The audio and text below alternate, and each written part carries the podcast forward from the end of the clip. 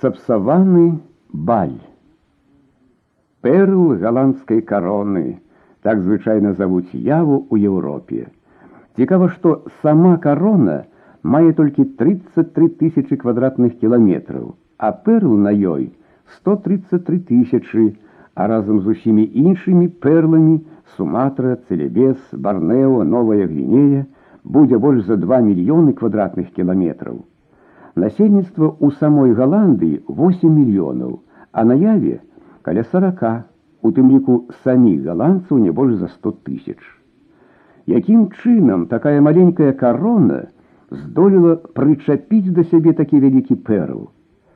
Справа звычайная, гандлёвая, пачалася яна ў 1598 годзе, калі была заснавана Ост-індская кампанія капіталістаў 6 мільёнамі гульденаў.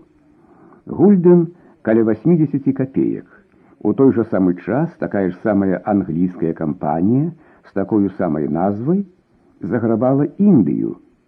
Прадпрыемства было зусім прыватнае і мела сваёй мэтай толькі гандаль.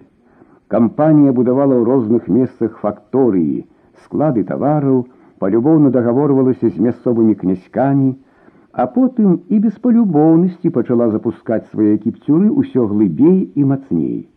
Дзеля гэтага кампанія мела нават сваё уласнае прыватнае войска. А калі жыхары убачылі, што мірныя гандляры робяцца ўладарамі і захацелі сапхнуць незапрошаных гасцей, тады ўжо прыйшла на дапамогу сама карона.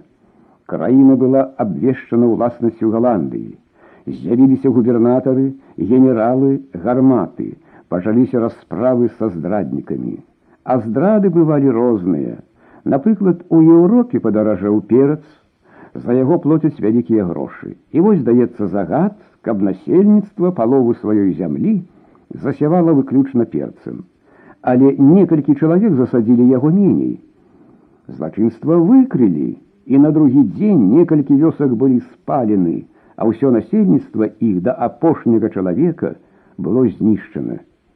Але гэта было даўно гадоў 200 назад. Пазней забівалі не ўсіх, а толькі вінаватых. Абавязковыя засевы змяншаліся да адной трэцяй часткі зямлі, потым да адной пятай, а цяпер і зусім скасаваны. Але было б несправядліва казаць толькі аб зверскіх учынках каланізатараў. Ёсць помнікі і культурныя працы іх. Так праз увесь востраў ад Батавіі да Сурабаіі, на працягу 800 кіламетраў праведзена дасканалае шассе, Якое каштавала ўсяго толькі смерці 1100 бурых людзей, а грошай бадай што не каштавала. Аднак жа і тут трэба адзначыць, што гэта было даўней, калі панаваў кулак, а цяпер пануе гульден, таму ўся ўвага галандскай буржуазіі накіравана на тое, каб выціснуць з-пад уладнага дзікага народа як мага больш грошай. За апошнія гады Галандыя такім чынам выціснула 2 мільярды. Якім жа спосабам жненька прышельцаў трымае ў сваіх руках шматмільённы народ. Дзеля гэтага існуе многа спосабаў. Найбольш карысна цемра народная. Таму на свету белых выдаецца ў год 38 мільёнаў гульденаў, а на цёмных 17 мільёнаў. Падлічыце самі, колькі выпадае на одну белую і на одну цёмную душу. Другі памочнік беднасць, сярэдні прыбытак яванца 15 гульденаў у год, на нашы грошы один рубель у месяц. Пры гэтым абядненне ідзе так паспяхова, што зрабілася масавым, нават мясцовай буржуазіі вельмі мала. Затое вельмі карысны для ўлады свае мясцовыя паны, розныя былыя князькі, усе яны атрымліваюць ад улады значную пенсію за перадачу Галандыі сваіх правоў, над народам. Апрача гэтага яны ж пад назвай рэгентаў абавязкова прызначаюцца начальнікамі розных акругаў, правінцый, кіруюць народам бадай таксама, як і калісьці, толькі побач з імі стаіць яшчэ рэзідэнт, галандскі чыноўнік, які раіць рэгенту рабіць так і гэтак. Гэтая парада і з'яўляецца законам, але ў вачах народа выглядае, нібы кіруе свой, нават дзве незалежныя дзяржавы яшчэ існуюць наяве. Вышэйшай уладай лічыцца яе вялікасць Вільгельміна, каралева галандская, якая жыве за 17 тысяч кіламетраў ад явы і ні разу не бачыла свайго народа. Замест яе кіруе намеснік, генерал-губернатар, які з'яўляецца наяве царом і богам. Далей ідзе адпаведны апарат з тысячамі галандскіх чыноўнікаў, але без ніякага ўдзелу 40мільённага насельніцтва. І вось у 1918 годзе далі нарэшце голас і народу, стварылі народную раду, куды ўваходзяць чалавек 30, з якіх палова еўрапейцаў. Палова рады назначаецца генерал-губернатарам, другая палова абіраецца на месцах простую ж самую уладу. У выніку ўсе гэтых аперацый у народную раду не можа трапіць ніводзін прадстаўнік ад народа, і нават такая рада мае толькі дарадчы голас пры генерал-губернатары. Пакуль тугай валэндаўся па батавіі, яго туан накіраваўся ў вольтерверден у дзяржаўныя установы. Аўтамабіль хутка вылецеў на вялізную каралеўскую плошчу, вакол якой бяліліся ў садах невялікія, але прыгожыя будынкі. Кожны галандскі чыноўнік марыць аб тым, каб мець тут кватэру. Ёсць сярод іх такія, што не шкадуюць аддаваць паловы свайго заробку, абы толькі жыць у панскім квартале. Найлепшым будынкам, вядома, быў палац генерал-губернатара, яскрава белы, з мармуровымі калонамі, побач памяшкання для вартаўнікоў і будкі для варты. Але генерал-губернатар тут рэдка жыве. Ён выбраў сабе месца ў вышэйшай і больш здаровай мясцовасці у байтэнзоргу, кіламетраў за 40 ад батавіі. Недалёка ад палацу уздымаўся вялізны будынак дзяржаўных устаноў. Перад ім і спыніўся аўтамабіль ван Декера. З важным выглядам, увайшоў ван Декер у дом і запытаўся начальніка зямельнага дэпартамента. Замітусіліся слугі перад такім важным панам, і праз мінуту ван Декер уваходзіў у кабінет, дзе за сталом прэў ад спякоты круглы лысы чалавек. Ван Декер, прадстаўнік фірмы Ван Бром і кампанія ў Амстэрдаме. Прамовіў Ван Декер ветліва, але з гонарам схіліўшыся. Калі ласка, сядайце адказаў чыноўнік чым магу служыць бачыце пачаў вандекер выкладаючы свае паперы наша фірма мяркуе заснаваць наяве кававыя плантацыі і мне даручана адшукаць для гэтага зямлю нялёгкая будзе справа задуменна сказаў начальнік усё што можна ужо занята галоўным чынам пад цукровыя плантацыі насельніцтва густое, зямлі мала і з кожным годам усё цяжэй і цяжэй даставаць кавалак зямлі. Усё гэта мы ведаем, адказаў ван Декер, усё гэта мы улічваем, але маем і свае довады. Як вам вядома, за апошнія гады усе капіталы накіроўваліся ў цукровую прамысловасць, а кававая заняпала, і мы прадбачым крызіс на цукар і попыт на каву. Умовы для гэтага вельмі спрыяючыя. Калі паставіць справу навукова, мы зможам даць каву лепшую за бразільскую. Дзеля гэтага фірма гатова ўкласці досыць мільёнаў і не бачыць перашкоды ў тым, калі прыйдзецца заснаваць прадпрыемства у якім-небудзь глухім кутку, напрыклад, у бантаме або ў суракарці ці джорджа карце. Пры такіх умовах справа крыху палягчаецца. У бантаме або ў прынгеры можа і знойдзецца, але ў суракарце ці джоджа карце залежыць ад мясцовых султанаў. І гэта мы ведаем. Вы толькі дайце рэкамендацыю да тамтэйшых рэзідэнтаў, а там ужо я сам аб'езджу і выгляджу, зразумела, перш за ўсё патрэбна ваша прынцыповая згода. Супраць культурнага мерапрыемства мы нічога мець не можам. Неяк невыразна прамовіў начальнік, але ўсё ж такі справа не зусім такая простая, як вам здаецца. Наадварот, падкапіў ван Декер, фірма дасканала ведае ўсе цяжкасці справы. Гэта відаць з таго, што яна прызначыла не меней 10% з капітала на адхіленне гэтых цяжкасцей. Зразумела, адзін я нічога не зраблю. Тут патрэбны аўтарытэтныя людзі. У вачах начальніка нешта бліснула. Ён адразу стаў больш уважлівым і лагодным. Ён выразна паглядзеў на дэкера і сказаў: Цяпер бачу, што прадпрыемства надумана цвяроза, што яно ў разумных і практычных руках. Бачу, што там у вас добра ведаюць перашкоды на гэтым шляху. Ведаюць, што значыць угаварыць насельніцтва, каб яно уступіла свае кавалкі зямлі. Ведаюць, які для гэтага апарат прыходзіцца пускаць у ход. І не кажыце. Смеючыся перапыніў вандекер і дакрануўся да рукі начальніка. Хіба мы дзеці, Хіба мы не ведаем рэальных умоў і абставін? Мне толькі трэба будзе аб'ехаць і агледзець больш-менш зручныя месцы, а потым прыйдзецца звярнуцца да больш аўтарытэтнага чалавека. Не асмельваюся турбаваць вас, але каб вы згадзіліся памагчы ў гэтай культурнай справе, мы былі б вам вельмі удзячныя. Што ж, прамовіў начальнік, прыйдзецца патурбавацца. Гэта патрабуе і карысць краіны і карысць нашай бацькаўшчыны. Праз некалькі мінут Ван Декер меў паперку, у якую прапаноўвалася ўсім прадстаўнікам мясцовай улады дапамагаць яму пры аб'ездзе і абглядзе зямель. Нарэшце Ван Декер і начальнік дэпартамента Ван Гук пасябраваліся так, нібы яны былі старыя знаёмыя. Папіваючы ананасавую ваду з лёдам, Яны гутарылі ўжо аб усялякіх прыватных рэчах і, відаць, спадабаліся адзін аднаму. Вы калі думаеце ехаць? запытаўся Вангук. Калі ўдасца, дык хоць сёння. Сёння у генерал-губернатара афіцыйны баль. Дні тры, як ён прыехаў з байтынзорга. Калі пацікавіцеся, я магу атрымаць для вас запрашэнне. Спачатку Вандекер адмовіўся, але потым раздумаўся і згадзіўся. У такім разе, казаў Ван Гук, праводзячы гостя да дзвярэй, прыязджайце да мяне а восьмай гадзіне, і мы паедзем разам. На ганку Ван Декер сустрэўся з піпам, яны прывіталіся як знаёмыя, і Ван Декер запытаўся: « Ну як вашы паляўнічыя справы, мінгер піп? Вось трэба яшчэ атрымаць дазвол на падарожжа па краіне.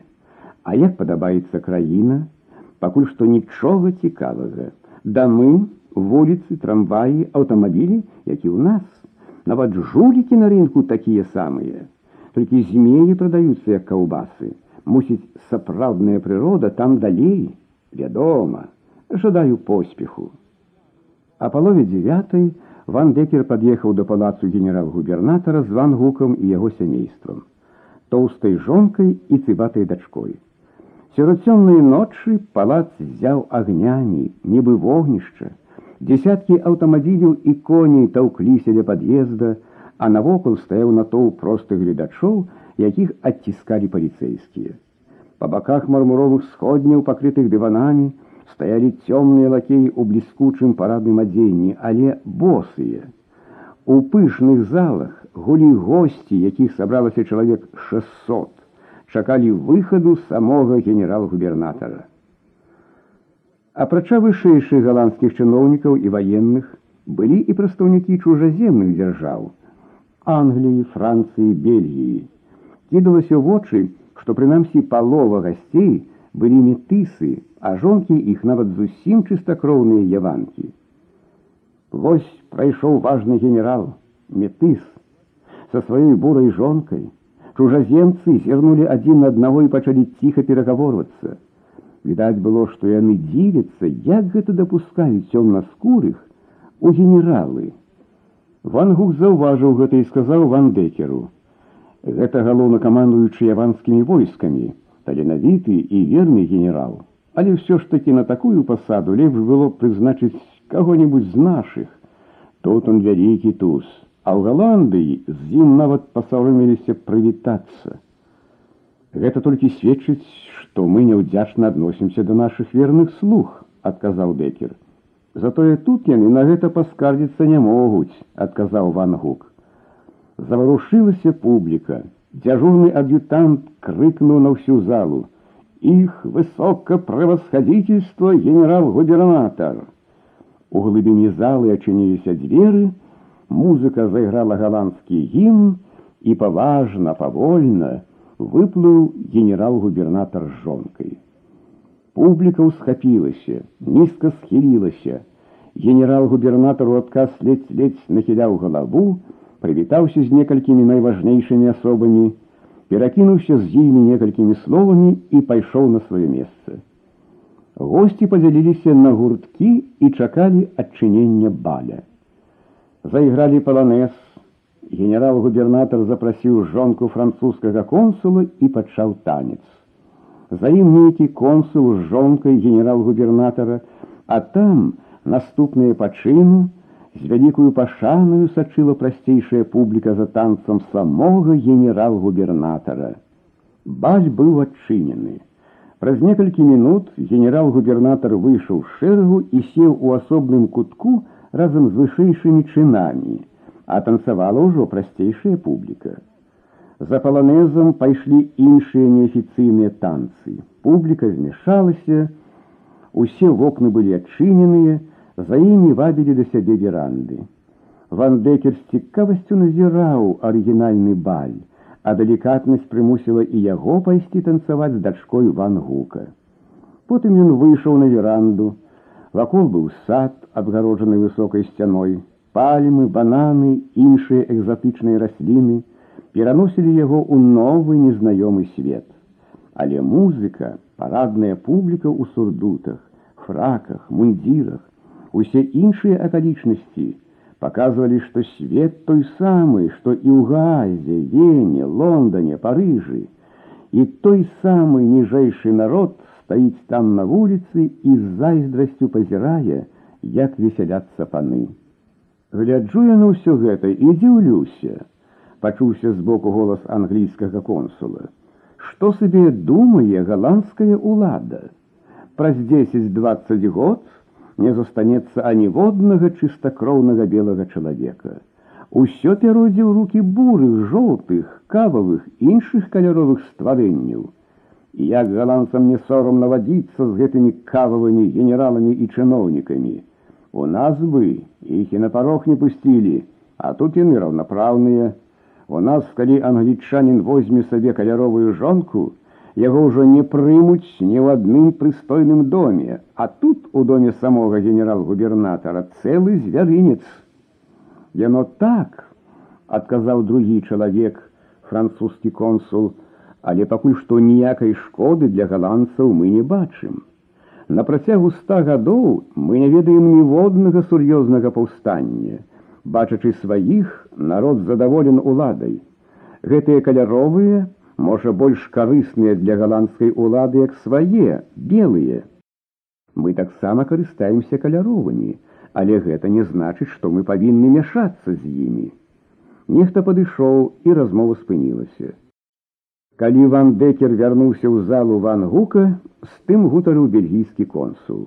А ведаеце, прыём і паводзіны вашага генерал-губернатара куды вышэй і ўрачысцей, чымся нашага караля сказал консул.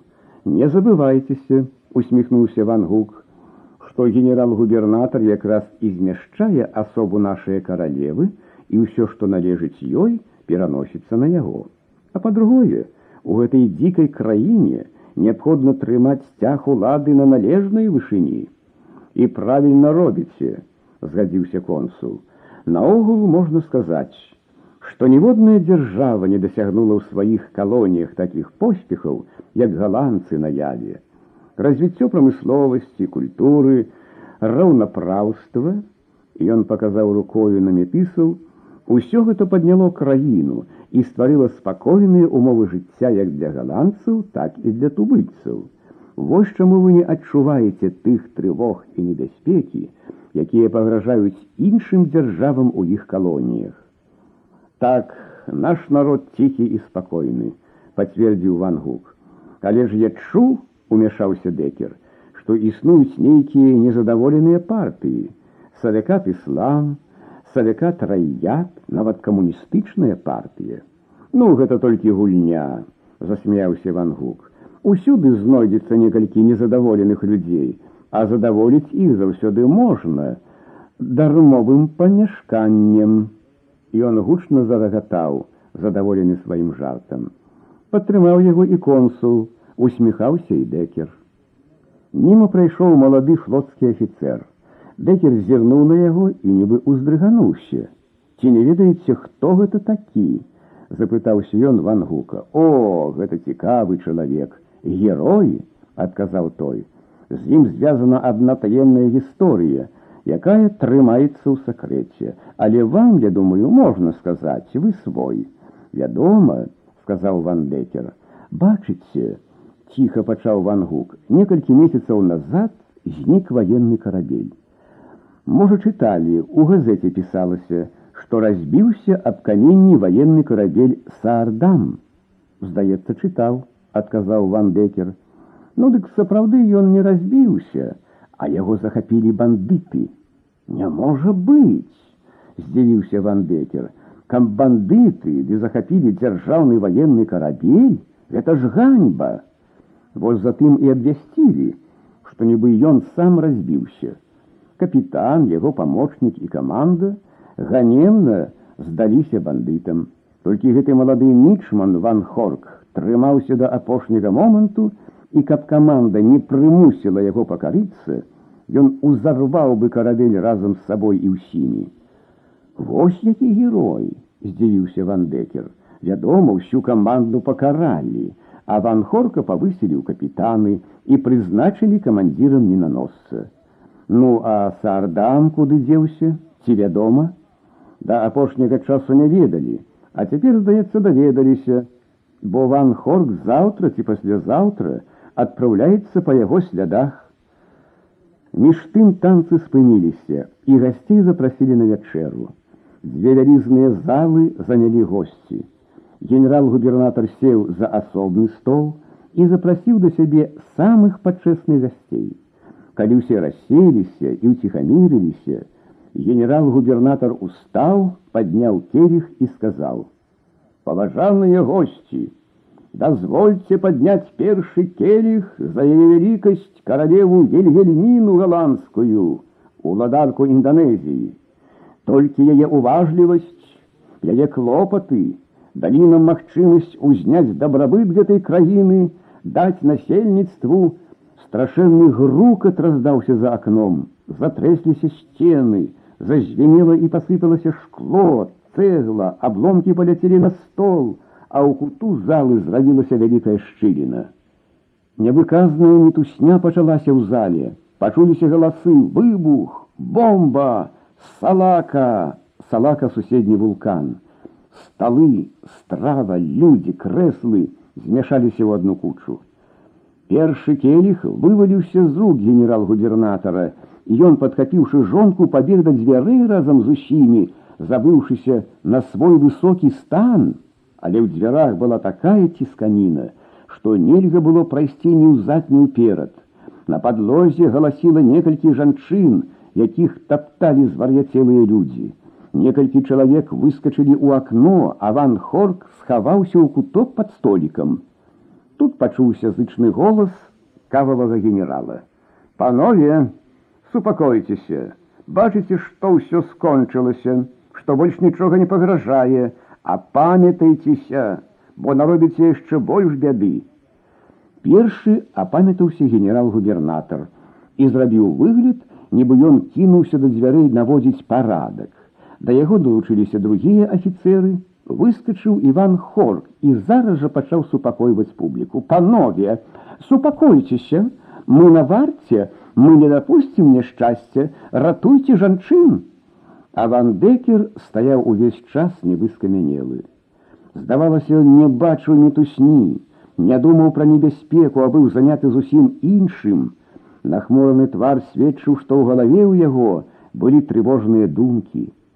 Паколькі ніякага страху больш не паўтарылася, публіка крыху супакоілася і пачала разыходзіцца, пакінуўшы двух раздушаных жанчын ды з дзясятак гасцей параненых. Калі публіка раз'ехалася, у генерал-губернатара сабралася нарада. Выявілася, што нехта кінуў бомбу, якая разарвалася ў садзе ля кута палаца. Злавіць злачынца не ўдалося. Замест яго налавілі шмат абыякіх людзей. Гэта ўсё камуністы, заскрыгатаў зубамі генерал-губернатар, прыйдзецца іх добра пачысціць. Не ведаў ён, што для камуністаў гэтая бомба была яшчэ болей шкодная і непажаданая, чымся для генерал-губернатара. Шпарка ішоў вандекер дамоў, Па дарозе зайшоў на тэлеграф і паслаў у чыджалтэп тэлеграму. Участак для кававай плантацыі знойдзены. Пастарайцеся своечасова ачысціць яго. У гатэль ён перш за ўсё запытаўся, ці ёсць тугай. Яму адказалі, што няма. Прышліце яго да мяне, калі ён з'явіцца, загадаў ван Бекер. Вярнуўся тугай праз дзве гадзіны. Будзе табе ад туана, казалі яму слугі, але заснулі, не дачакаўшыся вынікаў, бо тугай праседзеў у нумары вандекера да пятай гадзіны.